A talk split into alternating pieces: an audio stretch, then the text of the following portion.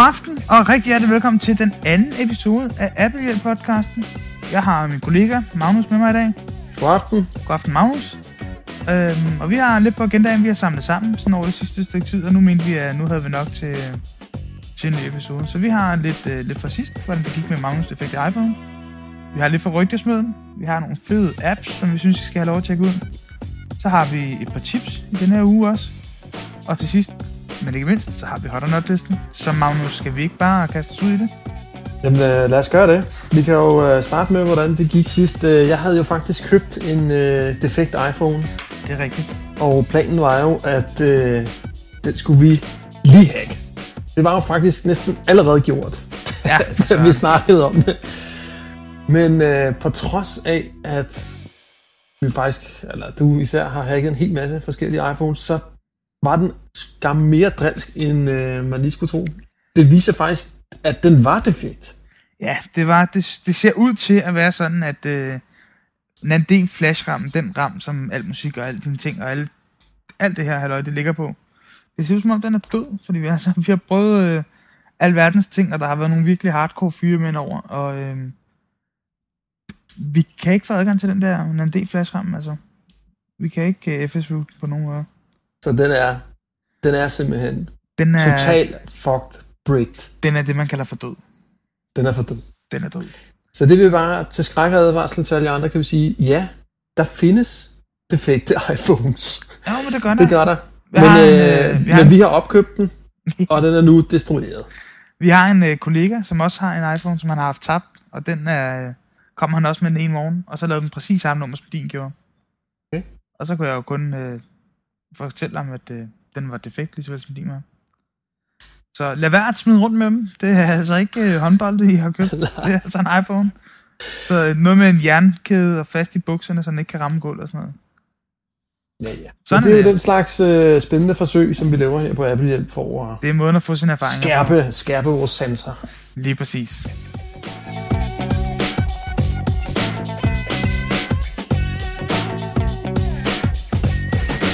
Rygtesmeden har jo været øh, fremme med den store hammer og det hårde jern. Ja, og det er jo rigtig, rigtig fedt, ikke? Fordi at, øh, nu kan jeg så bare glæde mig til, at jeg jo selvfølgelig skal have den næste iPhone. Ja, da, da, da, da. Fordi her i forbindelse med VVDC, så siger rygtet jo, at øh, der vil komme den her 3G iPhone. Altså, noget jeg har lagt især meget mærke til ved den her VVDC, det er, at under normale omstændigheder, når der er VVDC, så er der tusindvis af rygter. Der er alt muligt. Der kommer nye Mac, og der kommer nye øh, iLife, og der kommer nye alt muligt. Der kommer, øh, hvor herre, hvad der ikke kommer den dag, det kommer aldrig altså. Ja. Men den her gang op til den her VVDC, der har det eneste verserende rygte stort set været den nye iPhone. Ja, det er faktisk rigtigt. Øhm, Altså, her i løbet af foråret har der været tale om, at MacBook nu skal opgraderes til noget Alu MacBook på et tidspunkt. Og... ja, ja, men det er ligesom gået lidt i sig selv igen, ikke også? Jo, for de eneste rygter, man hører om, det er den der skide telefon. Ja, og det er jo også øh, totalt super hot. Altså, og det, som, øh, som rygtet lyder på indtil videre, det er selvfølgelig 3G, og det er med, øh, hvad hedder det, GPS. Det med videokonferencer. Ja, den tvivler jeg lidt på. Ja, men, Men okay. det er rygterne, siger videokonferencer. Rygterne siger det, videokonference. Og rygterne siger også noget med, er det tre forskellige farver? Eller? Sort, hvid og sølv. Så det kommer til at... Øh, hvis rygterne holder stik, så bliver det sådan noget med, at øh, ligesom med iPod'en der, hvis du går ind og køber en iPod Nano, så kan du få den i 4 GB sølvfarve. Men hvis du køber en 8 GB, så kan du få den i rød, gul, grøn, lilla, turkis, blå, og jeg skal fange dig. Jeg, jeg fornemmer sådan et, øh, et helt øh, andet design. Ikke et helt andet design, men altså... Der har jo været billeder fremme af den. Nå, Påstår det har jeg sgu ikke engang set. Der har været billeder fremme af den nye øh, iPhone, øhm, og den ligner meget sig selv. Der er noget kamera på fronten, er lidt kamera bagpå, og så er der en, øh, en glat hvid bagside, eller en glat sort bagside. Mm. Og det ser faktisk temmelig lækkert ud. Ja. Øhm, så, Den er også hurtig at chip i, ikke? Altså, den må vel, altså, selvom den er utrolig hurtig i forvejen, så må der jo være en endnu hurtigere. Ja, højst sandsynligt. Man kan jo ikke forestille sig andet, end de selvfølgelig også har opgraderet hardwaren i forbindelse med det her. Altså. Mm. Der skal jo også øh, der skal jo lidt ekstra ting til, før at man kan lave øh, videokonferencekald, og der skal lidt ekstra til, før man kan lave alle de her lede ting. Ja, Så vi må forvente, at der kommer et eller andet fra dem. det bliver, det bliver helt vildt fedt. Altså, og, og 3G iPhone, det er jo simpelthen perfekt, ikke? Altså, nu herhjemme har de fleste jo fået opgraderet deres 3G-net, så, så nu hedder det jo så 7 megabit øh, i princippet, ikke? Jo, og rygterne siger jo, at øh, inden året er omme, så skulle vi være oppe på øh, 21. Ej, det er man vildt, det er. 21 megabit til en mobiltelefon. Så, øh, så er vi der, hvor det begynder at være sjovt, ikke? Må man være bittert at have en 21 megabit til en, øh, en Nokia-telefon, hva'? Intet, noget intet at bruge det til. Det, nej, jeg er ikke helt enig, Magnus, fordi prøv lige at overveje, hvor hurtigt de der WAP-portalsider, de lige låner. Wow. Det bliver ligesom at køre 600 km i timen på Det er motorvejen. tekst-tv, det er simpelthen forblæret, mand. Ja, det går nok lidt. Ja, man er jo simpelthen nødt til at have sådan en iPhone, fordi at, øh, ja, det er jo selvfølgelig der, de fede sites er. Det er der, at man kan hente video ned, ikke også? Vi gør os jo flere og flere erfaringer med de her iPhone, og det sidste, det er, at øh, en kollega fra mit tidligere arbejde, som øh, lever af at teste mobiltelefoner, og som har været ret meget op og ringe over vores, øh, vores fanboy-attitude over for den her telefon. Han har fået en i arbejdsøje med, og øh, det var sådan en testtelefon, der skulle ligge ude i firmaet, og den forsvinder sjovt nok hver eftermiddag, når han går hjem. For det er faktisk sådan, at manden er gået til korset og har indrømmet, at det, det der, det, det, det virker shit. altså. Ja, det er the shit. Så øh, Så, øh, men et stort, øh, kæmpe, mega iPhone-rygte. Men jeg, noget, jeg desværre ikke synes, jeg har set endnu. Jeg har ikke set noget, der hedder iPhone og Danmark. Nej, det tror jeg ikke, man skal tage sig tungt. Men der er til gengæld, øh, der er lavet sådan en global aftale med Vodafone, og der er lavet nogle andre store aftaler, som kunne indbefatte Danmark. Øh, fordi man har, der, det er ikke, det er ikke blevet offentliggjort, hvem der har fået alle sammen. Øh, jeg synes også, der er nogle lande, hvor, der, hvor de siger, at den sådan bliver operatør uafhængig. Er det korrekt forstået? Ja, Italien er der to op- operatører, der har fået den. Øhm, så det kunne være, at det også blev fremgangsmål i Danmark. Men altså, omvendt vil jeg sige, Vodafone har fået 10 nye lande, og at de lande er offentliggjort, at det vil være Australien, Indien, Sydafrika, øhm, der var noget Du kan dem ikke lige på ryggraden, men Italien, andre lande. Grækenland og nogle andre ting. Men det var ikke alle 10, der var offentliggjort, og Vodafone er jo så bekendt meget, meget tæt knyttet til TDC, så i den forbindelse kunne det være, at der var noget Danmark undervejs. Det- Og nu har jeg jo leget med den nye øh, software version 2.0, og der ligger. Åh, oh, stop, stop. Hvordan har du leget med den? den har jeg da installeret. Stop, stop. Øh, hvordan det? Jamen, jeg har hentet softwaren og lagt den ind på min iPhone. Det er et par måneder siden, Magnus. Ej, det passer ikke. Det er halvanden måned siden eller sådan noget. Hvordan er den? Super fed. Har du Exchange eller understøttelse? Jeg har jo ikke uh, sat alle de der ting op. Jeg installerede den jo bare for at sidde og lege lidt med den. Men ja, der var Ja, Exchange, exchange understøttelse. Og der var også, bemærkelsesværdigt nok, dansk som standard. Er der det? Ja, okay, så den er på dansk nu simpelthen. Så der er, det er ikke noget med, at man skal installere en hacket dansk sprogpakke og sådan noget. Der, der er dansk i softwaren som standard. Okay. Ej, hvor fedt. Ja, så øhm, det ser Ej, ret lovende for ud. helvede, hvor jeg glæder mig, mand. Det er helt vildt. Og en anden ting må være, den må jo også komme med mere ram, ikke? Der har jo været tale om, at der skal komme... Der har været tale om, 4 GB modellen er udgået. Nu er der, Ja, ja, ja. ja. Nu er der en 8 og en 16 GB. Nu er der tale om, at 16 GB bliver standard. Det bliver det, man kan få i sølv. Og så kan man få sølv, hvid og sort i 32 GB. Uh, det er altså stort der. Altså 32 gigabyte, der... Det er alligevel, det, det er nok. Altså, Ja, men... s- Ja, jo. Det er da hyggeligt. Ja, det er hyggeligt. Super lækkert, at der står 32 GB på, ikke? Men nu sidder jeg med en iPhone i hånden. Nu går jeg ind i settings, og så går jeg ind i den, der hedder usage. Og så siger jeg, ja, ja, ja, ja, ja, ja. Det var ikke det, jeg gik ind, nej. Øhm, jeg råder lige lidt rundt her. Jeg men du vil bare sige, at du ikke bruger i nærheden af 16 gigabyte. Jeg vil bare sige, at jeg ikke bruger i nærheden af 8 GB, som er det, jeg har på min ja. telefon. Men Jeg vil sige, at jeg har 7,3 GB capacity, og jeg bruger 4,9 GB. Men det er fordi, jeg jo kunne begynde at, at downloade lidt fra, fra iTunes Storen US. Så nu er det blevet sådan noget med, Nå, jeg skal på arbejde. Jeg har en togtur på arbejde, og en togtur tilbage fra arbejde. Så om morgenen, så er det sådan, uh, jeg skal lige have to afsnit af Lost med, så jeg har noget at se både på udturen og på hjemturen. Ja, men to episoder af Lost fylder ikke noget. Altså, Det er for det er lidt over en gigabyte, ikke? ja, jeg har 3,9 ledige, ikke? Så du, det burde der nok være plads til, altså. Ja, men Så skal man alligevel have nogle film med og sådan noget. Jamen, jeg vil give dig ret, men omvendt, jeg har 3,9 giga ledige nu. Havde jeg haft en 16 giga, så havde vi talt 11,1 eller andet giga ledigt, ikke? Ja. Det er rimelig meget. Men ja, Ja. ja bevares 32 er da endnu federe. Ej, men det bliver, det bliver en monstertelefon, det der. Det gør det. Altså, det er jo allerede en fed telefon, men den bliver... Uh, Ja. den får altså lige det sidste, ikke? Jo. Så, Men- der, altså man, man kan også se de der estimater på, hvad det sådan, øh, eller hvad, hvad hedder det, andre sådan analytikere tror, at de kommer til at sælge, at, at de går jo op, altså. Ja, men John Strand siger jo, at det er noget lort. Altså, det bliver aldrig, det bliver aldrig den en kan succes. ikke MMS'e. Den kan nemlig ikke MMS'e, så det bliver Åh, aldrig okay, undskyld, vi tager det hele tilbage. Jeg tror nu nok, der findes 10.000 i Norge, der findes 8.000 i Danmark, der findes 500.000 iPhones i Rusland, og der findes 400.000 i Kina, og den er ikke udgivet i nogen af landene. Mm. De tal alene bør indikere, at der måske er en mulighed for, at det her device det kan få noget succes. Altså. Helt klart. Så øh, Det bliver fedt, det bliver rigtig fedt at se, og det er jo den 9. juni, ja, 9. juni lige præcis. så der sætter du kryds i kalenderen, Og der har jeg min iPhone allerede sat til at bippe den 9. og sørg for at have sparet op der, så man kan skynde sig ind på Ja, for Apple. Store og købe noget. Ja, bestemt, bestemt. Det er rigtigt. Det ser rigtig lækkert ud. Og andre rygter, der var jo et, øh, jeg synes, jeg har hørt noget med, at øh, Dot Max skulle opgraderes. Ja. Den synes jeg, den, lad os gemme den, fordi der er vist noget med .max senere på agendaen i dag.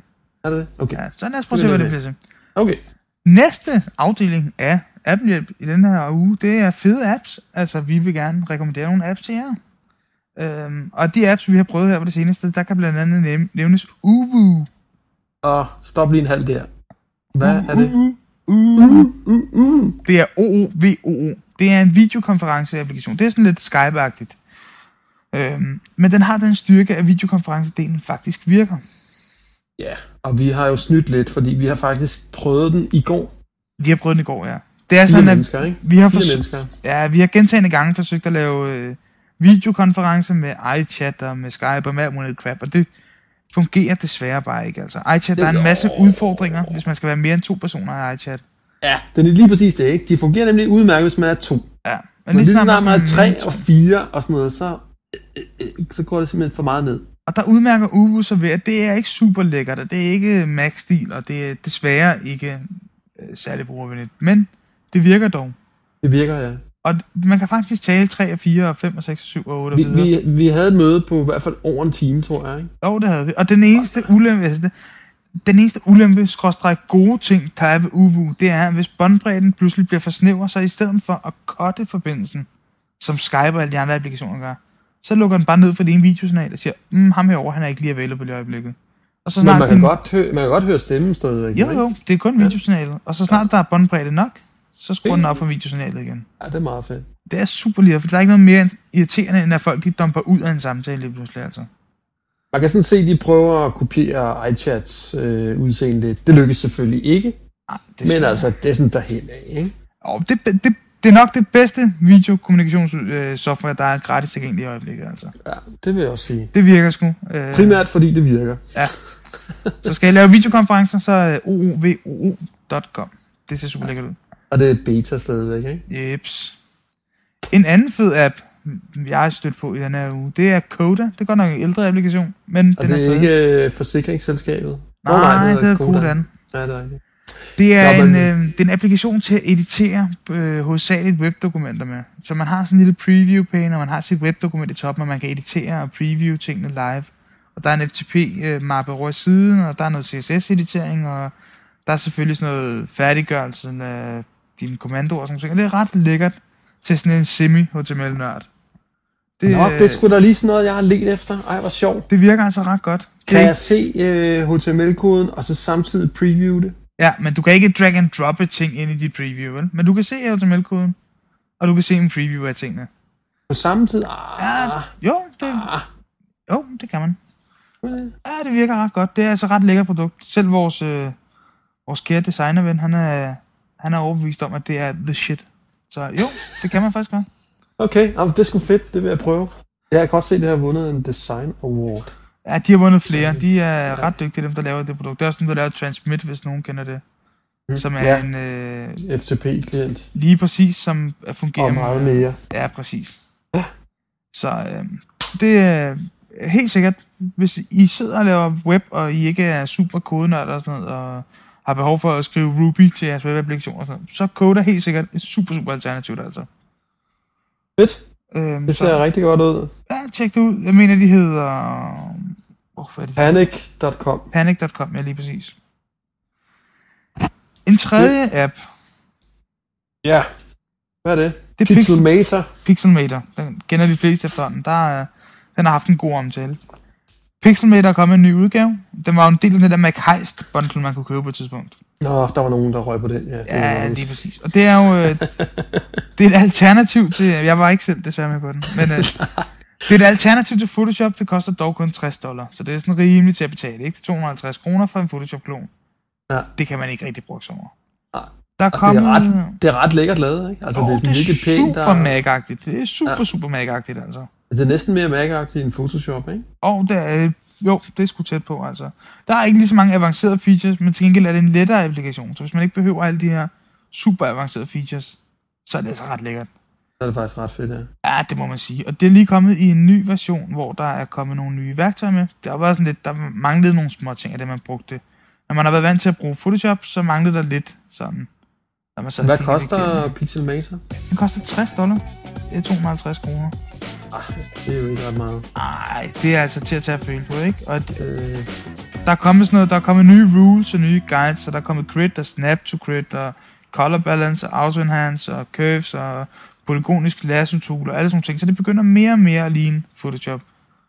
Øhm, og det, det er altså ret lækkert. Det er altså ret lækkert. Fedt. Så hvis nogen står og mangler et øh, fornuftigt fotoredigeringsprogram, som ikke kan alle de samme ting som Photoshop, men alligevel gør kan det mindste af nyttigt. Ja, så er øh, så er det det. helt sikkert, så er det, så er det Pixelmator.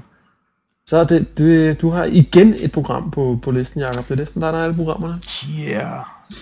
Quicksilver. Ja, Quicksilver. Halløj, taler. Nu. Alle folk, der ejer en Mac, de skal installere Quicksilver. Jeg har sjovt nok ikke installeret det. Nej, du ejer ikke en Mac, Magnus. Du må øh, have en PC eller et eller andet. Quicksilver er the shit. Jeg er begyndt at tweete, tweete, tweete, tweete, tweete. Ja. Øhm, og i den forbindelse, så tænkte jeg, det kunne være fedt, hvis jeg kunne tweete, uden egentlig at starte min Twitter-klient. Og så snakkede jeg med, med vores kære kollega Max Daggaard, og han sagde, men hvorfor bruger du ikke bare Quicksilver? Der kan man sådan ting fra Quicksilver. Jeg har altid brugt Spotlight som application launcher, så jeg har brugt Spotlight til at finde de ting, jeg skulle køre, Mm. og så kørte jeg det fra Spotlight af. Og det har fungeret rigtig godt, jeg var rigtig glad for Spotlight. Øhm, og det virkede bedre, efter det blev løbart og alt det her pjat her. Mm. Men Quicksilver er bare federe. Men hvad er det? Altså, jeg tror ikke helt, jeg forstod det. Du kan tweete fra Quicksilver. Ja, ja. Ja, jeg kan, Quicksilver er sådan en applikation, der øh, den gør lidt det samme som, øh, som, som, hvad hedder den, som Spotlight gør. Man kan søge sine applikationer, og så kan man launche de applikationer, man nogle gange har. Men er det en søgefunktion? Er det, altså, er det sådan en... Øh, Ja, jeg kan søge min harddisk? ja, det kan den også. Den indekserer de mapper, du beder om at indeksere, indekserer den ligesom Spotlight gør. Og den er bare bedre til at launche, dokument, altså launche applikationer, og så kan man... Ja, jamen, jeg havde forstået sådan lidt, hvis, det, hvis man godt kunne lide kommando-genveje, hvis man synes, det er bare super fedt at starte sit Photoshop ved at trykke æble 4E, Nej, nej, nej, Det så kan er den, det lige Quicksilver, man skal bruge. nej, det kan den også. Men hvis jeg starter Photoshop, så trykker jeg Able Space, min gamle Spotlight genvej, og så Mm. skriver jeg foto, og så kommer den med alle de applikationer, der hedder noget med foto. Mm. Så kan jeg vælge Photoshop, så kan jeg sige, så kan jeg tabe, trykke tab, så kan jeg vælge, hvilken action vil jeg gøre med det her, den her applikation. Og standard action, det er åben. Så hvis jeg bare skriver foto, Men Enter. pointen er, at du slipper for at bruge musen, ikke? jeg slipper for at bruge min mus, men også det, at jeg kan, jeg kan skrive ting, for eksempel, jeg kan starte et tekstdokument, eller jeg kan sende en mail direkte fra min Quicksilver. Jeg kan skrive, trykke æble space, så kan jeg skrive punktum, så kan jeg skrive øh, din mailadresse, så kan jeg tabe, så kan jeg skrive teksten, så kan jeg tabe igen og trykke enter, og så sender den faktisk en mail til dig. Så når man lærer Quicksilver at bruge, så kan man faktisk ret mange fede ting. Jeg har installeret sådan en Quicksilver plugin. Men Der- så er, så er det jo, altså, hvorfor er det så ikke bare en terminalprompt? Altså, er det ikke? Fordi at jeg har for eksempel, når man Magnus, jeg har for eksempel installeret sådan et, øh, en, øh, et plugin, der hører til min Google-kalender. Så jeg kan trykke med æble mellemrum, punktum, så kan jeg skrive en dato, og et klokkeslæt, og et sted, og en aftale, og trykke mellemrum, og så kan jeg skrive Google-kald, og så kan jeg trykke enter. Så er der Quicksilver faktisk en, en task til min Google-kalender. Uden Okay, at jeg er behøver at åbne cool. Google-kalenderen eller noget som helst. Det gør Okay, den automatisk. Så, jeg, jeg kan med- lave alle mulige ting ved bare at taste i Quicksilver. Det er super lækkert, altså. Okay, så det, det er meget hurtigere end at åbne programmet og lige gå ind og... Meget hurtigere. Meget hurtigere. Og der er også den fordel ved det, at jeg kan... Øh, min maskine er blevet hurtigere. Jeg har simpelthen fuldstændig disabled Spotlight og installeret øh, Quicksilver. Den indekserer kun de ting, jeg har bedt den om. Og hvis ikke man bruger alle de her advanced features, der er i Spotlight, som at indeksere sin mail og alt det her pjat, fordi alle kører Google Mail i dag, Mm. så er Quicksilver bare hurtigere. Og min maskine, den er, den, jeg tror, jeg har fået 10% ekstra eller sådan noget. Det går virkelig hurtigt, når jeg bruger min maskine nu, efter jeg har disabled Spotlight. Og så kan man... Jo, noget af det, jeg har godt set, det er brug. Altså, og det er rigtig pænt grafisk. Det er Også. en rigtig, rigtig Mac-applikation, altså. Ja, det ser rigtig fedt ud. Altså, nu lød det sådan enormt meget, som man bare skulle trykke nogle kommando Ja, det er veje her. Men det ser pissegodt ud, ikke? Ja, det gør helt sikkert. Det er super lækkert, altså. Og det virkelig, i starten, der var jeg totalt frustreret over at bruge det. Jeg har haft det installeret en gang før, hvor jeg har tænkt, det lort, det skal aldrig nogensinde ind for dørene, og har slettet det igen. Men nu satte jeg mig ned, og jeg så videoen, og jeg satte mig til at, at benytte applikationen, og det er virkelig en fed applikation, altså. Ja, Det skal måske lige nævnes, at det er faktisk en handicappet mand, der så udvikler Spotlight. Eller, øh, jo, Quicksilver. Nå, okay, det er måske Øh, sådan uh, handicapvenligt. Det. Ja, det er nemlig sådan en handicapvenlig applikation, som kan sådan ting med at... Ej, var det sejt. Så det, det, virkelig, altså det er virkelig, virkelig fedt.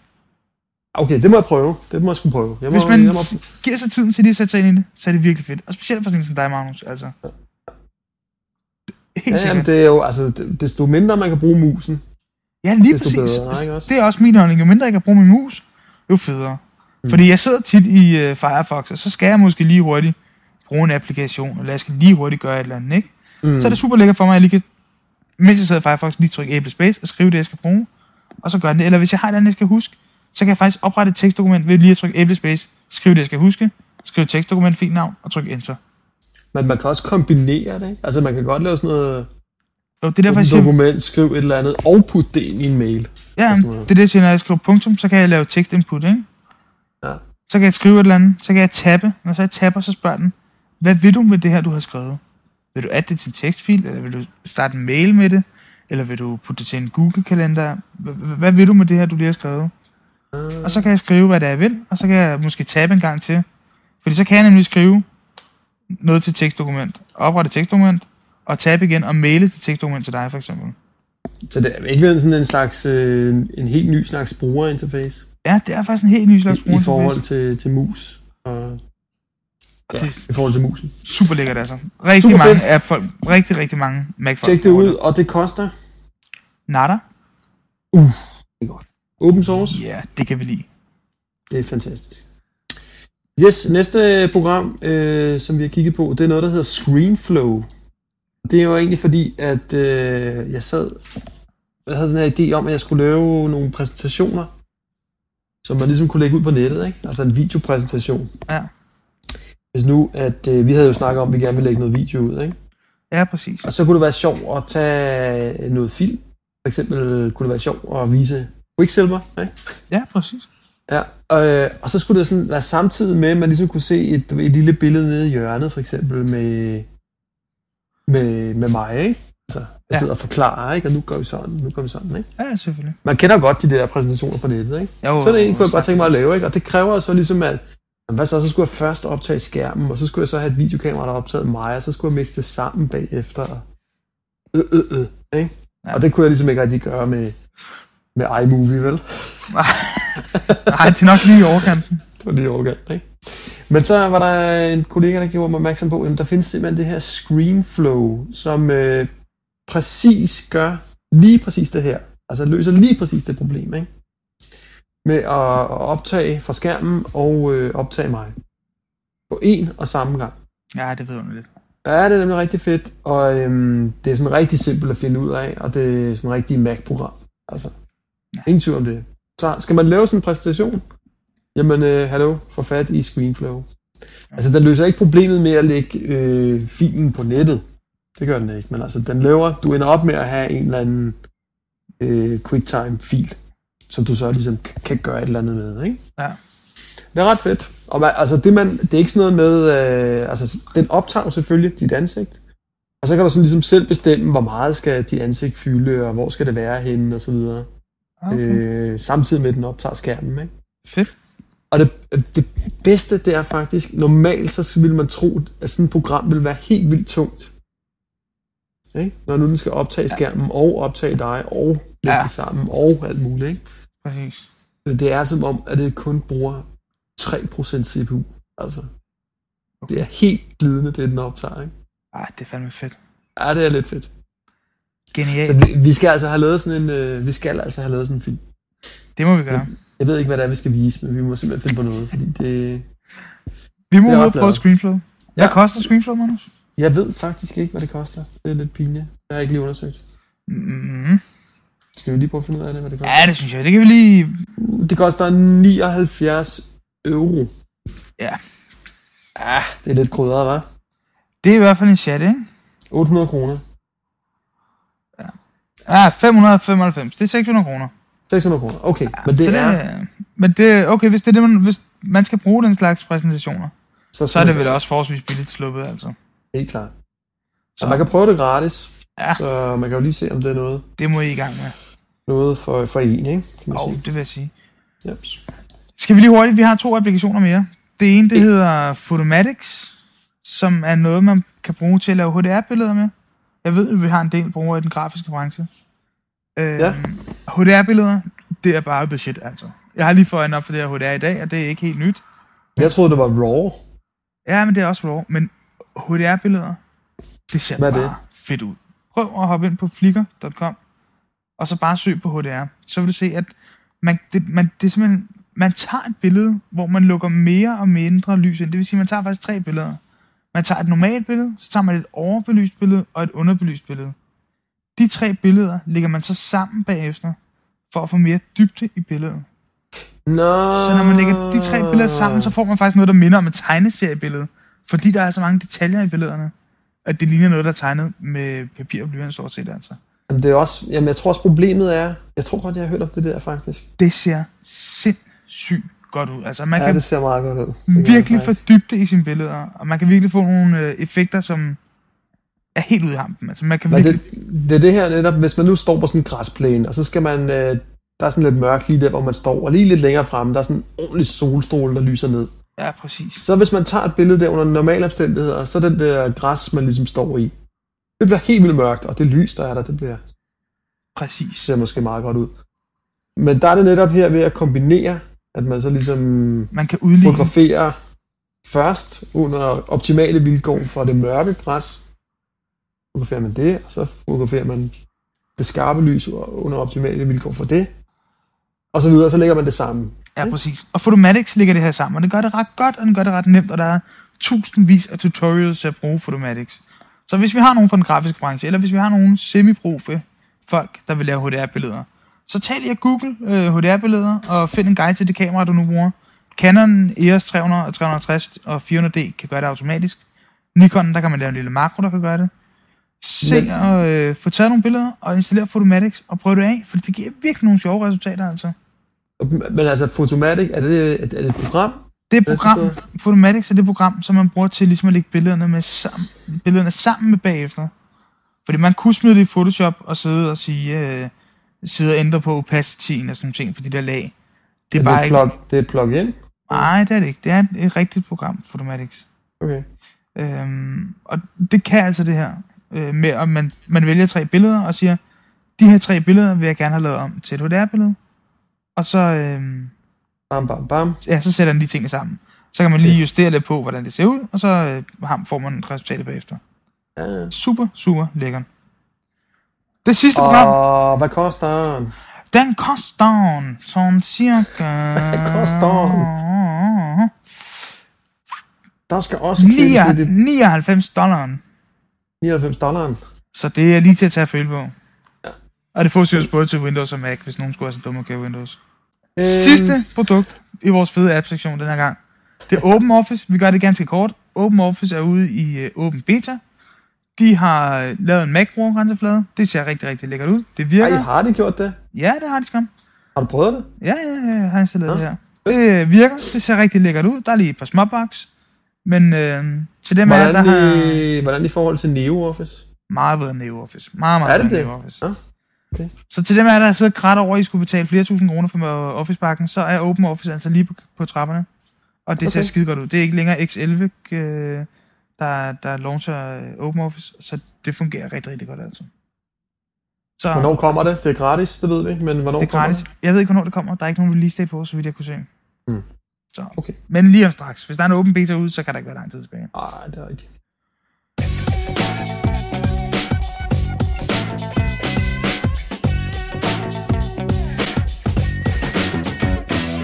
Vi har nogle tip til vores brugere den her uge, Magnus. Ja, det har Vi vi. har faktisk øh, hele fire af slagsen. Ja, vi har det tip baseret på, på nogle af de Opgaver, cases. vi har set. Ja, lige præcis. Ikke?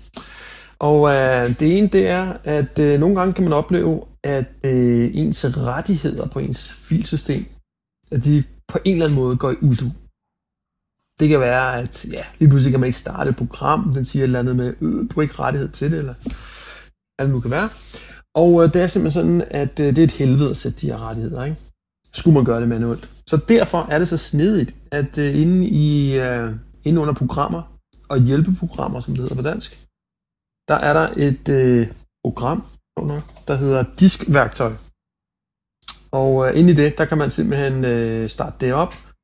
Så kan man øh, så vælge sin øh, disk, og så kan man sige øh, kontroller disktilladelser. Og så vil den så gå i gang med at kontrollere, om ens disktilladelser er i orden. Og øh, hvis ikke det er det, så kan man bagefter trykke på en anden knap, der hedder reparere disktilladelser, og så reparerer den, sætter de her rettigheder. Rigtigt. Det kan i nogle tilfælde være en fordel, fordi den her funktion, den er faktisk også tilgængelig fra installations-DVD'en. Så hvis du sætter din Leopard i og putter din Leopard op, så har du faktisk den funktion også i, på CD'en. Og det kan nogle gange være en fordel at køre den fra CD'en. Det er fuldstændig korrekt, ja. Så disken, altså, så man ikke kører operativsystemet i samme omgang. Ja, lige Så præcis. hvis ikke det lige virker for jer første gang, så prøv at putte op på jeres øh, installations-CD, og så prøv lige at køre applikationen en gang til, og se om ikke det hjælper. Ja. Og alternativt, så, øh, så ring til os, ja. ikke? Så Ja, finder vi det- dig på det- det. Det sker øh, faktisk øh, oftere, end man lige tror, at de der øh, disktilladelser går i udu. Ja, det sker i ny og næ, det gør det bestemt. Så øh, Yep.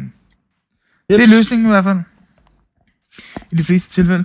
Så har vi øh, migrering af mail fra Outlook til Entourage. Der er jo, det er jo sådan, at i øjeblikket, der er flere og flere mennesker, der ser lyset. Der er flere og flere mennesker, der kører Mac. Og i den forbindelse, så vil folk gerne have deres mail fra Outlook over til Entourage, eller mail-applikationen på Mac. Øh, Ah, Entourage, det er det mailprogram, der kommer med Office-pakken, når man køber Microsoft Office Entourage til Mac. er Outlook på Mac, ikke? Ja, ja, okay. Så der er flere og flere, der gerne vil have deres mail fra Outlook over i enten Mail-app eller i Entourage på Mac'en. Mm-hmm. Øhm, og det, det kan man selvfølgelig ikke. Har Microsoft gjort det sådan, at man- der ikke bare er en import? Det kan man selvfølgelig ikke bare eksportere og importere, vel? Det er jo Microsoft-produkter. Det er jo super lækkert.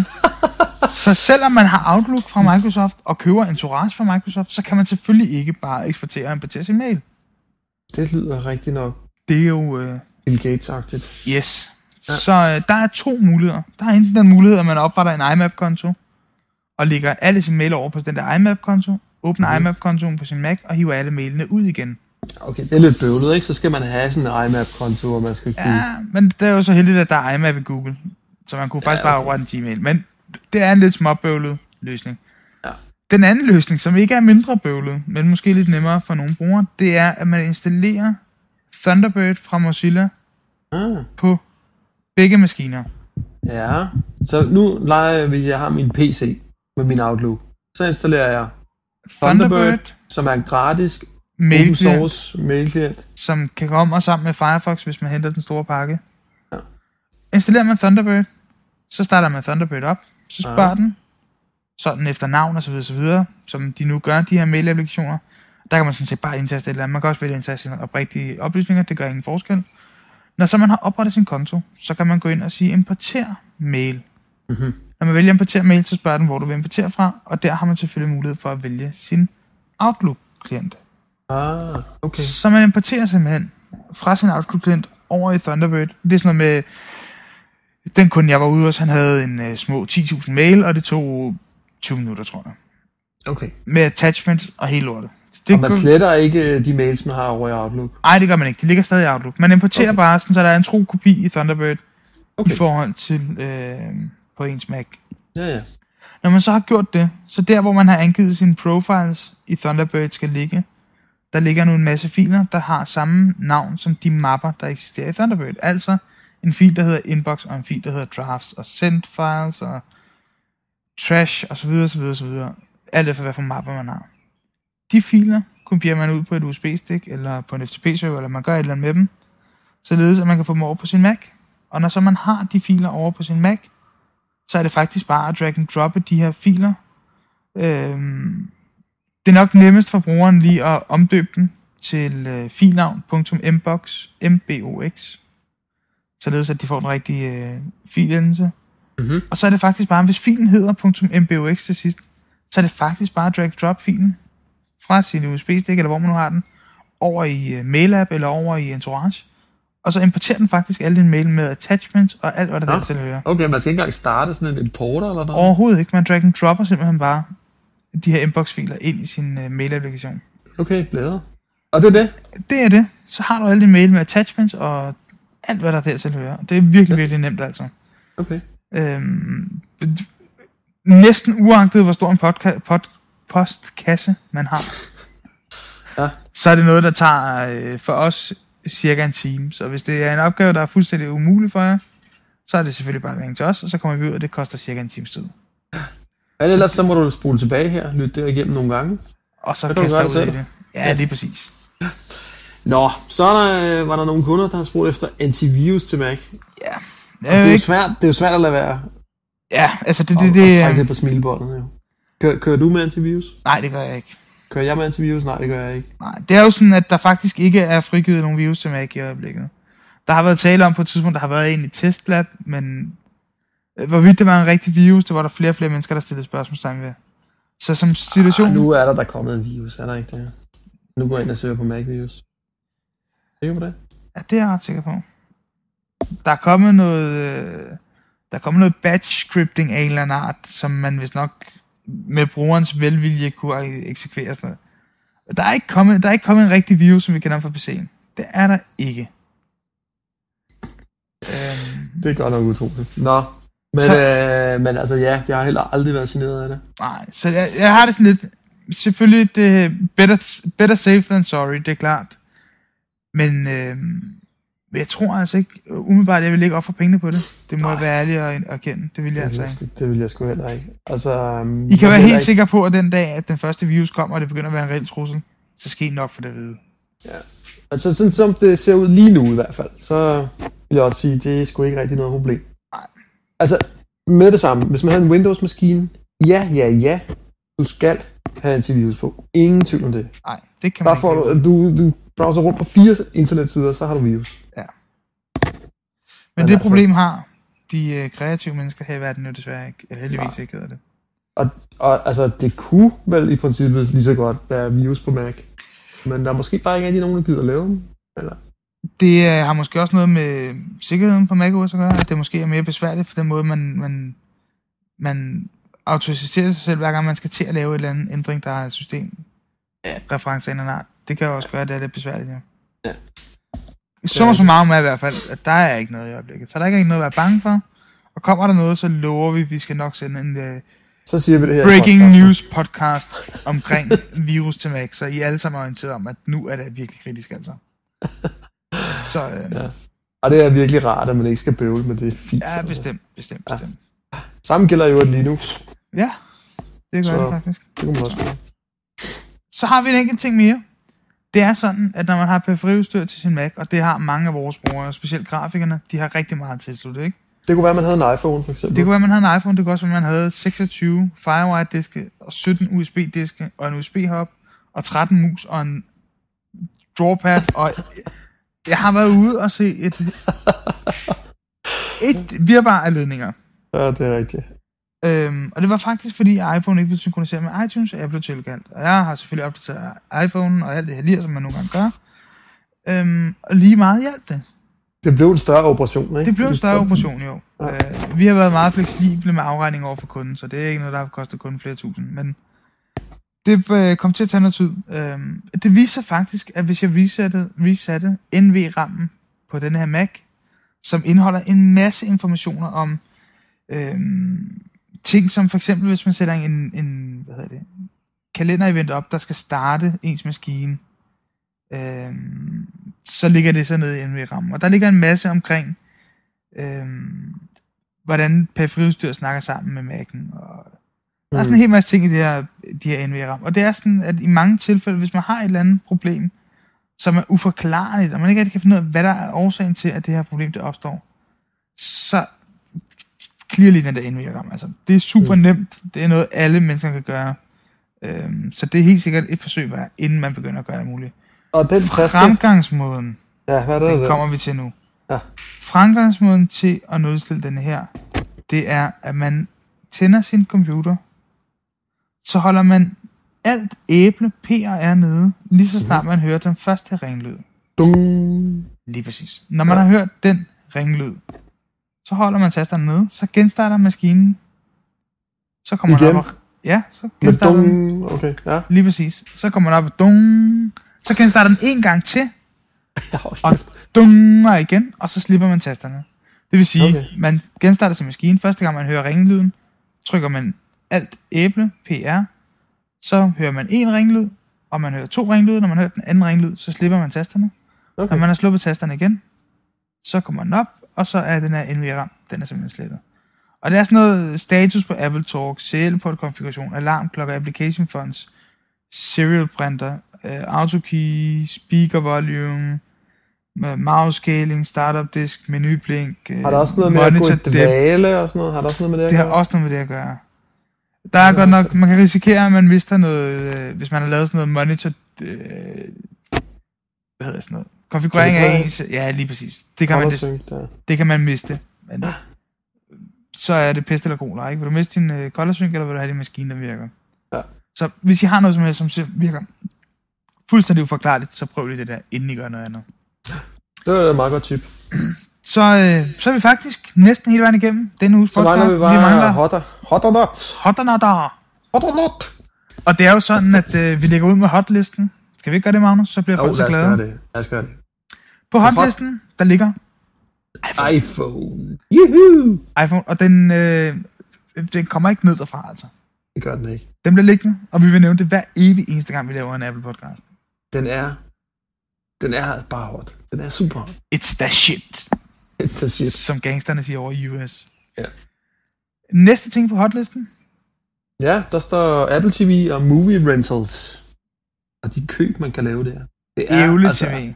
Ja. Hvis nogen af jer har betænkeligheder ved at købe et Apple TV, så forstår jeg virkelig, virkelig godt. Jeg købte Apple TV the moment it was out, øhm, og den har stået pænt på min hylde lige siden. Men nu har Apple jo lavet movie rentals og alt det her pjat her, og det er ikke kommet til Danmark endnu, og i realiteten kunne min Apple TV stadig have stået over på min hylde og set ret kedeligt ud. Men der er jo kommet nye funktioner, så man kan subscribe direkte på en podcast. Og ikke kun det, det er sådan, at vi tilfældigvis har nogle kontakter i USA, som har skaffet os adgang til en Apple TV-konto, sådan så vi kunne prøve, hvordan movie rentals og movie køb og så videre, så videre det fungerer. Og det får vi rigtig, rigtig svært ved at give slip på, det der. Det er virkelig, virkelig, virkelig dødstødet til Flow TV. Jeg kom hjem, var pisse træt, og så, okay, jeg har lyst til at se en film. Jeg vil have mig en øl, og jeg vil se et eller andet totalt hjernedødt. Ind og se I'm a Legend, klik klik, i HD, 4 under, under 30 sekunder senere, nu er du klar til at afspille filmen. Klik, og det kører bare. Og der er ikke noget med hakken. Det, Ikke et, en eneste lille frame skip, eller noget som helst. det går ret hurtigt. Og Magnus, du har betalt 24 danske kroner for at lege den film. Det, er- det er helt værd. Altså, Det er fantastisk. Det virkelig, eneste, jeg virkelig har, ikke? nu er jeg jo øh, familiefar, og det betyder, at det kan være, faktisk være lidt svært at få måske to timer uden afbrydelser. Så det der med, at man kun kan lege i 24 timer, ah, det kunne jeg altså godt tænke mig var noget længere. Altså, det lyder absurd, men altså sådan er det bare. Det kunne være meget fedt at... Men du kan jo lege den samme film igen. Det er der ikke nogen, der forbyder dig. Ja, ja, men altså... Det er jo ikke anderledes end at gå i Playtime, vel? Nej, nej, men en dag det, det kunne bare være meget fedt. At man, eller så man måske selv kunne betale en dollar med, og så kunne man have den i tre dage, ikke? Eller... Ja, helt sikkert. Det kunne man godt lave sådan et eller andet med. Men Men altså, det fungerer totalt fedt. Det virker totalt fedt. Og jeg har aldrig før... Jeg har ikke været den store podcaster før i tiden. Jeg har, vi har som bekendt lavet nogle podcast. Jeg har ikke set så meget, jeg har ikke lyttet så meget, som jeg egentlig burde. Men efter at have fået mit Apple TV, så når jeg sidder, og jeg sidder i den her zombie-tilstand, som alle andre danskere gør, og bladrer mit fjernsyn igennem, og ikke kan finde noget interessant, så slår jeg over på min AV-channel, starter min Apple TV, så går jeg lige ind, åh, oh, der kommer en ny Dignation, den ser det lige HD. Så kan jeg se Kevin Rose sidde til sig, eller hvad jeg nu måtte have lyst til. Ja. Uden at jeg skal starte med en fedt. PC eller muligt. My er god, det er virkelig lækkert altså. Og det kunne være fedt, hvis nogle af de danske tv-stationer også lagde deres ting ud til. Ja. Så det kan, Det er- kan I kun glæde jer til. Det er virkelig, ja. virkelig lækkert. Og i forbindelse med det, så uh, har Apple åbnet op for en differentiering af priser på tv-shows. Er det rigtigt, Magnus? Ja, det er rigtigt. øh, De har lige tilføjet HBO, som er sådan en øh, ja, netværk øh, tv-programmer, ikke? Øhm, I iTunes øh, US Store der. Og øhm, der har de fået lov at have forskellige priser, fordi ellers har der jo været sådan, at en tv-episode, den koster noget helt bestemt, ikke? 1,99 Ja, præcis. i dollar, ikke? Men altså nu er der så kommet noget, der koster 2,99, og noget, der koster 1,99. Øh, så det være selvfølgelig skidt på den måde, at øh, ja, nu er der så noget, der er dyrere. Men altså det gode er, at det lokker egentlig flere netværk til. Ja, præcis. Og eh, come on, vi har jo ikke noget mod at betale for det her indhold. Jeg har vidderligt ikke noget mod øh, at betale de her skide 2 dollar for at se Lost, for eksempel. Altså, jeg slipper for reklamerne på Kanal 5, og jeg venter, jeg slipper for den forsinkede udgivelse af det her medie i forhold til, hvordan når det kommer i USA, og jeg slipper for en hel masse andre ting, ikke? Og jeg kan have det med i toget. Jeg kan have det med i og- toget, jeg ser det, når jeg har lyst, og ja. Det er så fedt med Apple TV'en, at jeg kan gå i gang med at se Lost på min Apple TV, og så kan jeg finde ud af, pis, pis, pis, jeg skal ud af døren om 10 minutter, så kan jeg stoppe min Apple TV, så kan jeg sætte min iPhone til min Mac, så synkroniserer den Lost over på iPhone, så husker den, gud hjælp mig også, hvor langt jeg er kommet. Ja. Så når jeg sidder i toget og siger, hey, jeg skal lige se Lost, vil du genoptage afspilningen, eller vil du starte forfra? Jamen, jeg vil egentlig gerne til videre fra, hvor jeg nåede til sidst, da jeg sad derhjemme. Så ser jeg, gud hjælp mig videre fra, hvor jeg nåede til. Det er altså bare lækkert. Det er rigtig fedt. Og jeg synes egentlig også, altså, det er jo rigtigt nok, at det ikke er DVD-kvalitet, og HD-film er heller ikke HD og sådan noget, men altså, det ser stadigvæk Skide godt ud. skide godt ud, altså. Ja, det gør det altså. Så.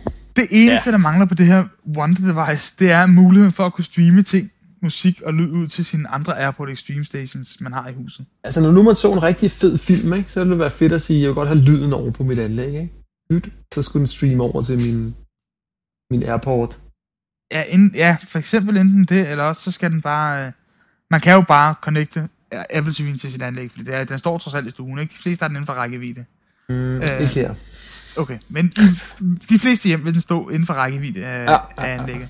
Men det kunne være fedt, når man bruger den, som jeg bruger den til at høre musik på, kunne det være fedt, hvis man lige kunne vælge, hey, skyd lige den her musik ind i soveværelset også, når nu jeg går i pangdang mellem soveværelset og stue og sådan noget. Den feature mangler. Jeg har lavet en feature request hos Apple. Hos Apple. Hvis nogen af jer andre synes, den feature mangler, så lav en feature request, fordi det er bare et stykke software, og det kan rigtig nemt lave den feature, altså.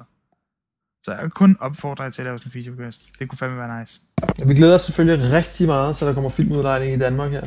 Ja, for søren. Så Det, vi, er- øh, så vi får det med god samvittighed. Og hvis nogen har betænkeligheder ved sådan en Apple TV, jeg bliver nødt til lige at sige det her, Magnus. Hvis nogen af jer har betænkeligheder ved de her Apple TV, så har jeg altså installeret tre stykker nu med velcro på bagsiden af et plasma-tv inden under vægbeslaget, så den er fuldstændig usynlig, og fjernbetjeningen virker totalt glat. Gør den det? Okay, nå, det er sejt. Ja, Så jeg har pillet fladskærmen ned fra væggen, sat velcro på væggen, sat velcro på Apple TV'en, klistret Apple TV'en op på væggen. Den er jo ikke særlig tyk. Mm. Hægtet plasma-TV'et på, ud over Apple TV'en. Og fjernbetjeningen virker stadig. Så den sidder skjult inde bag. Okay, det er meget cool. Det er meget cool. Så ja. man kan ikke se, den er der. Man tager bare lige sin Apple fjernbetjening, peger over med fladskærmen, så du, du, du, du, du, bladrer man. Ah, sejt. Det er Det er sgu meget god idé. totalt liret, altså. Har du lavet det hjemme? Ej, jeg har lavet det hos min onkel og hos den gamle chef og hos en anden kollega. Okay. Herhjemme, der sidder den med velcro. Jeg har sådan to Montana-reoler under min fladskærm. Der sidder den med velcro op under Montana-reolen. Så man kan faktisk heller ikke se den her. Der løber kablet bare ned under reolen og ind i Apple TV'en. Så den hænger sådan på undersiden af mine reoler, der er hæ- hæ- hævet lidt over gulvet. Ikke? Så man kan heller ikke se den her. Så man kan så lave nogle rigtig fede installationer af det her device, altså. Tjek det ud. Jeps. Det er super cool. Næste ting, der er hot, MacBook Air. Den er hot i lårene, og den er super hot i sit udseende og sin funktionalitet, altså. Fandme, fandme en fed maskine. Nu har jeg siddet og leget med den i en halv dags tid. Jesus ja. Christ. Jeg Til var, er også på ude farten. hos, øh, jeg var også ude hos en kunde, der havde den. Det var godt nok. Ja. Det Til jer, der er på farten, det er the shit, altså. Den vejer det samme som et spil kort. Ja, der er ikke meget galt. Der er ikke meget galt. Hvis du havde otte af dem, kunne du stå og jonglere med dem, som om det var tennisbold, altså. Den er super, super fed. Ja, det er den godt nok. Den er helt sikkert de Den er måske ikke, ja, den er ikke så hurtig, vel? Nej, den er ikke så hurtig, men omvendt, den er bare super transportabel, ikke? Altså, Mm, mm. Og det betyder virkelig også meget for mange mennesker. Det betyder rigtig meget for mig, at jeg har en ma- maskine, der ikke vejer noget, som jeg bare kan hive med rundt, altså. Det er rigtigt. Så Det er fedt. Det er, den er fed, den er fed, den er fed. den er fed. Tre Så- nye Get Mac-reklamer. Jeg har faktisk ikke engang fået dem set, men de er sjove. Ah, det kan kun være hot. Det Jeg har siddet og set dem i morges, øh, og de er som alle de andre Get Mac-reklamer super fede. Hvis nogen af jer ikke kender Get Mac, så gå ind på apple.com slash getamac. Slash, hedder det vel bare? apple.com slash getamac. Der er alle deres reklamer, de er super grinende. Altså. Jeg var, kun lige, jeg var kun lige inde og se sådan, gud, hvor mange er det egentlig, de har lavet? Og der er jo sådan en timeline derinde, hvor man kan gå tilbage og se helt tilbage til Sindssygt 2006. Ja, det er rigtigt. Så kæft, det er på tredje år, de laver den type reklamer der. De må desværre ikke. Der er noget med, at de ikke må blive sendt i Danmark, og der er mange andre lande, hvor de ikke må sendes, fordi man gør grin med konkurrenter og sådan noget. Men ind og kig på dem. De er super, super sjove, altså. Okay. Så skulle vi finde de gamle kontanter frem fra madrassen, Yes. Og sætte dem i Øh. Apple-aktier. Alle de knier, der sidder ude i landet, I kan godt begynde at grave madrasserne frem og få dem spredt op igen, fordi de her Apple-aktier, ikke? De kan kun gå en vej. Jeg var så dum, så jeg i min tid på DR købte Apple-aktier for 30.000 danske kroner til kurs 58. Men du panikkede efter fem måneder, eller sådan noget, husker jeg? Ja, der gik et halvt års tid eller sådan noget, og så kom iPhone-rygterne, og der kom noget med nogle nye iMac, og der var en masse rygter, ikke? Og aktierne, de steg og steg og steg, og de var på 90, kurs 90, lige inden den her keynote, og jeg tænkte, Jesus, det, det, det, det går ikke, det her. Halvdelen af de der ting kommer ikke, og aktierne krakker, og Apple bliver solgt, og firmaet går ned med hjem. Så jeg tænkte, okay, jeg skynder mig at sælge det her lort. Så var ham her, fjolset af Steve Jobs. Han var så dum, så han gik ud og sagde, ja ja, vi laver en telefon. Vi har genopfundet en telefon. Vent nu bare at se.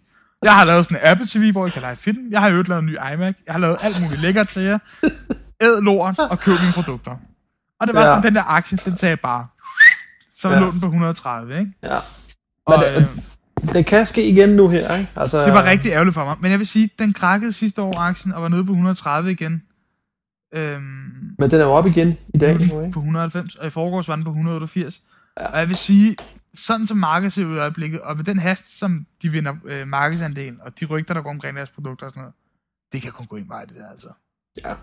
Så vi skal have sprættet vores egen madras op. Ingen Ja. tvivl om det. Gang i madrassprætningen, og så frem med kontanterne. Så kunne vi også godt tænke os øh, en Apple Genius Bar i Danmark. Og det er der som en sanden kommet. Apple Det må har fået sin første Genius Bar i Danmark. Til dem af jer, der ikke ved, hvad Genius Bar er. Genius Bar er sådan et sted, hvor man kan gå ind og græde snot over for en Apple-medhjælper og sige, mit GarageBand virker ikke, eller jeg kan ikke skrive et Word-fil, eller et eller andet den stil. Og så kan ham her, den kloge, kloge mand på den anden side af Genius Baren, sige til dig, lån mig lige det Mac, så skal jeg trylle for dig. Så kan han lave de her små fejl, som der er. Det er ikke sådan noget med, at du kan gå ind med din Mac og sige, åh, det virker slet ikke, jeg er nødt til at reinstallere, jeg kan ikke finde ud af det, og så gør de det for dig. Sådan fungerer verden ikke. Men sådan nogle små ting, øh, med lige at blive introduceret til en applikation, eller lige få hjælp til nogle af Apples egne produkter, det kan de. Men jeg troede, det lå i sådan en Apple Store. Altså, Det ligger en- nemlig normalt i en Apple Store, men Apple har indgået et samarbejde med Elgiganten. Sådan- Elgigant. Så den første Genius Bar, den er åbnet i Elgiganten i Gentofte.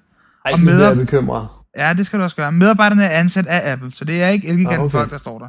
Okay. Men hvis I tager ud i Elgiganten i Gentofte, så har de fået sådan en Genius Bar, hvor der står en mand, der ved, forhåbentlig ved noget om produkterne, og som... Øh, så, så, ja, det er Så det er lækkert. fedt. Men er det så lidt det samme? Fordi jeg har jo set på i de der Apple Store, så der er så øh, den her fine trædisk, man skal sidde ved, og det ser lidt hyggeligt ud. Og Ja, det, næsten et sted, man kan få en kop kaffe.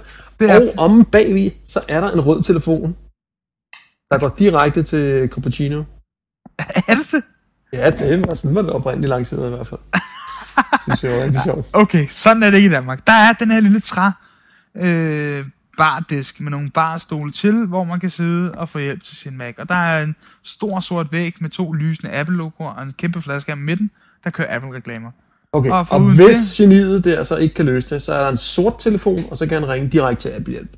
Det ved ja, noget af den stil i hvert fald. Så, men hey, benyt jer af, af, benyt jer af det. Hvis I skal købe nogle produkter, tag derud, snak med manden, få en sludder. De har alle produkterne legnet op, så man kan ligesom se, hvad der sker. Altså. Det virker ret cool. Eller gå i Humax, som vi gjorde det i gamle dage. Næste ting på hotlisten. Ja, hvad er det? XBMC til Mac. Det er Jeg aner ikke, hvad der er. Magnus, Ej, det? hvor er det liret. Hvad fanden er det? Det er lidt nørdet. I gamle dage, der var der noget, der hed en Xbox. Det er noget, Microsoft har lavet, øhm, og det har de faktisk gjort ganske udmærket. Ja. Den her Xbox, den kunne man modde med noget, der hedder Xbox XBMC, Xbox Media Center. Mhm. Det her Xbox Media Center er blevet så kæmpe populært, fordi det faktisk kunne afspille alt muligt, og så ret godt ud, og man kunne skinne det, man kunne alt muligt, og det fungerede rigtig, rigtig lækkert. Mhm. Nu er der selvfølgelig to nørder af de kreative slags, der har sat sig ned og sagt, det her XBMC, som alle mennesker er så glade for, det porterer vi da lige til Mac. Nå, Det er også en vidunderlig applikation, så den skal da køre på Mac. Så XBMC er lige udkommet til Mac, og du kan bruge din Apple Remote fjernbetjening, og du kan launche fuldskærm og alt muligt andet lækkert. Google XBMC Mac, så kan I se lidt mere om det. men okay, jeg forstår godt, du er gammel Xbox-fan, og selvfølgelig glad for, at det her er kommet. Men hvad er det, det kan i forhold til øh, min front row? Det kan jo afspille alle mulige obs- obskure formater, altså, og Nå, snakke med UPnP-device, andre UPnP-devices, sådan noget. Det der har sådan nogle rigtig fede features, altså. okay. Så øh, det, hvis I skal bruge mediecenter software til Mac, og I synes Front Row er for lidt, så tjek XBMC ud. Det ser rigtig lovende ud, altså. Okay, fedt. Nå, Magnus, vil du sige noget? Øh, ja, det ville jeg, hvis ellers lige jeg kunne finde væk en dag. Det er det. Nå ja, på hot er også glade kunder. Øh, og det, ja, jeg, jeg har bare haft nogle ret fede kunder, faktisk. Som virkelig bare er blevet glade, og det, det, er, det er sgu meget hot. Altså, Det er virkelig, virkelig en fornøjelse at få lov Det er ikke fordi, man skal blive glad. Det er det altså ikke, men altså, de har bare været glade. Altså, det det er virkelig, en fedt. for, virkelig en fornøjelse at hjælpe folk af med deres problemer, altså. Man det er bliver det sgu. virkelig modtaget positivt, og det, det er Måske Jesus. er Mac-folk... Øh, bare Bare glade for- mennesker. Ja, jeg ved det ikke.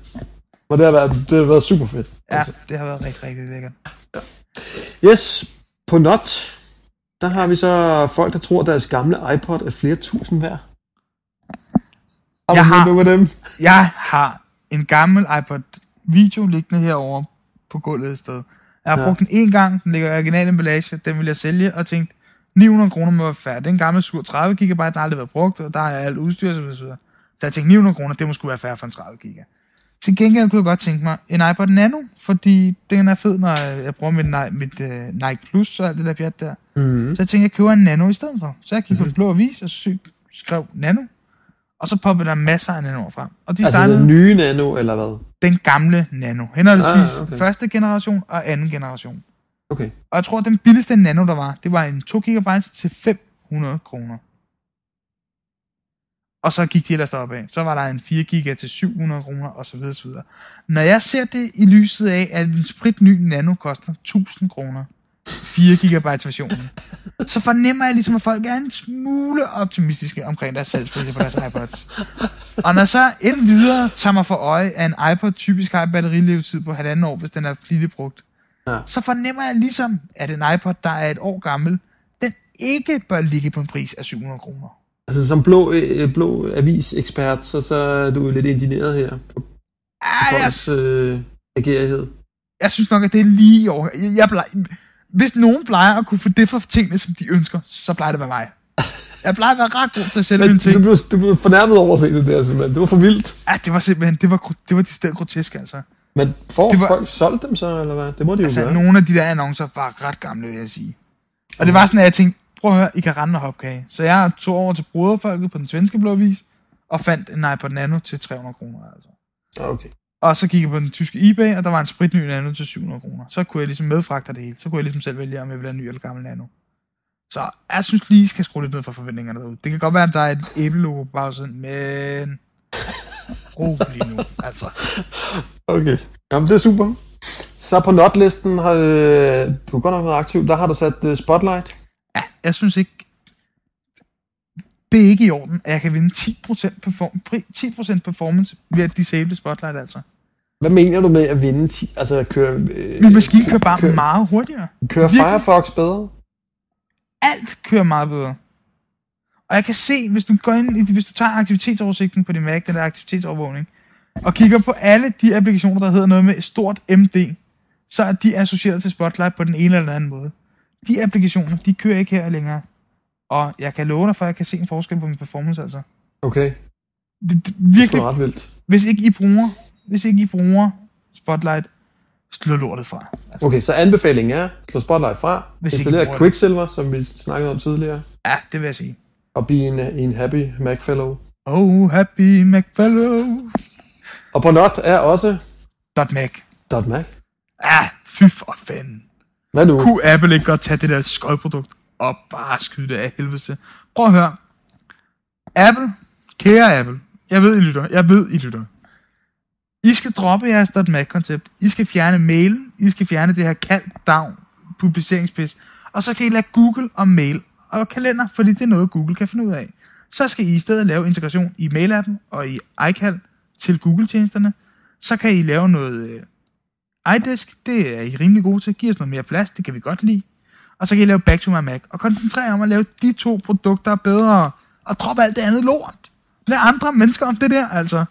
Jeg, jeg læste sådan en meget interessant rygte nu her i forbindelse med iPhone, der jo kommer med Exchange-understøttelse. Øh, og noget af det særlige der var jo, at der er sådan en meget fed, øh, du ved, det er sådan noget push-mail, ikke? Ja, præcis. Men det er der jo ikke, når man har .Mac, som jo ligesom er Apples egen mail, ikke? Og der er faktisk alle mulige problemer. Altså, man får meget mere med Exchange, end man egentlig gør på .Mac, og det er lidt et problem.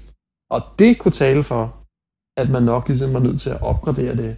Ja. Sådan at øh, når man havde en .Mac, så havde man også push-mail på iPhone, ikke? Apple laver rigtig mange lækre ting, men det der med mail og kalender, det skal de bare lade Google om, altså. Ja.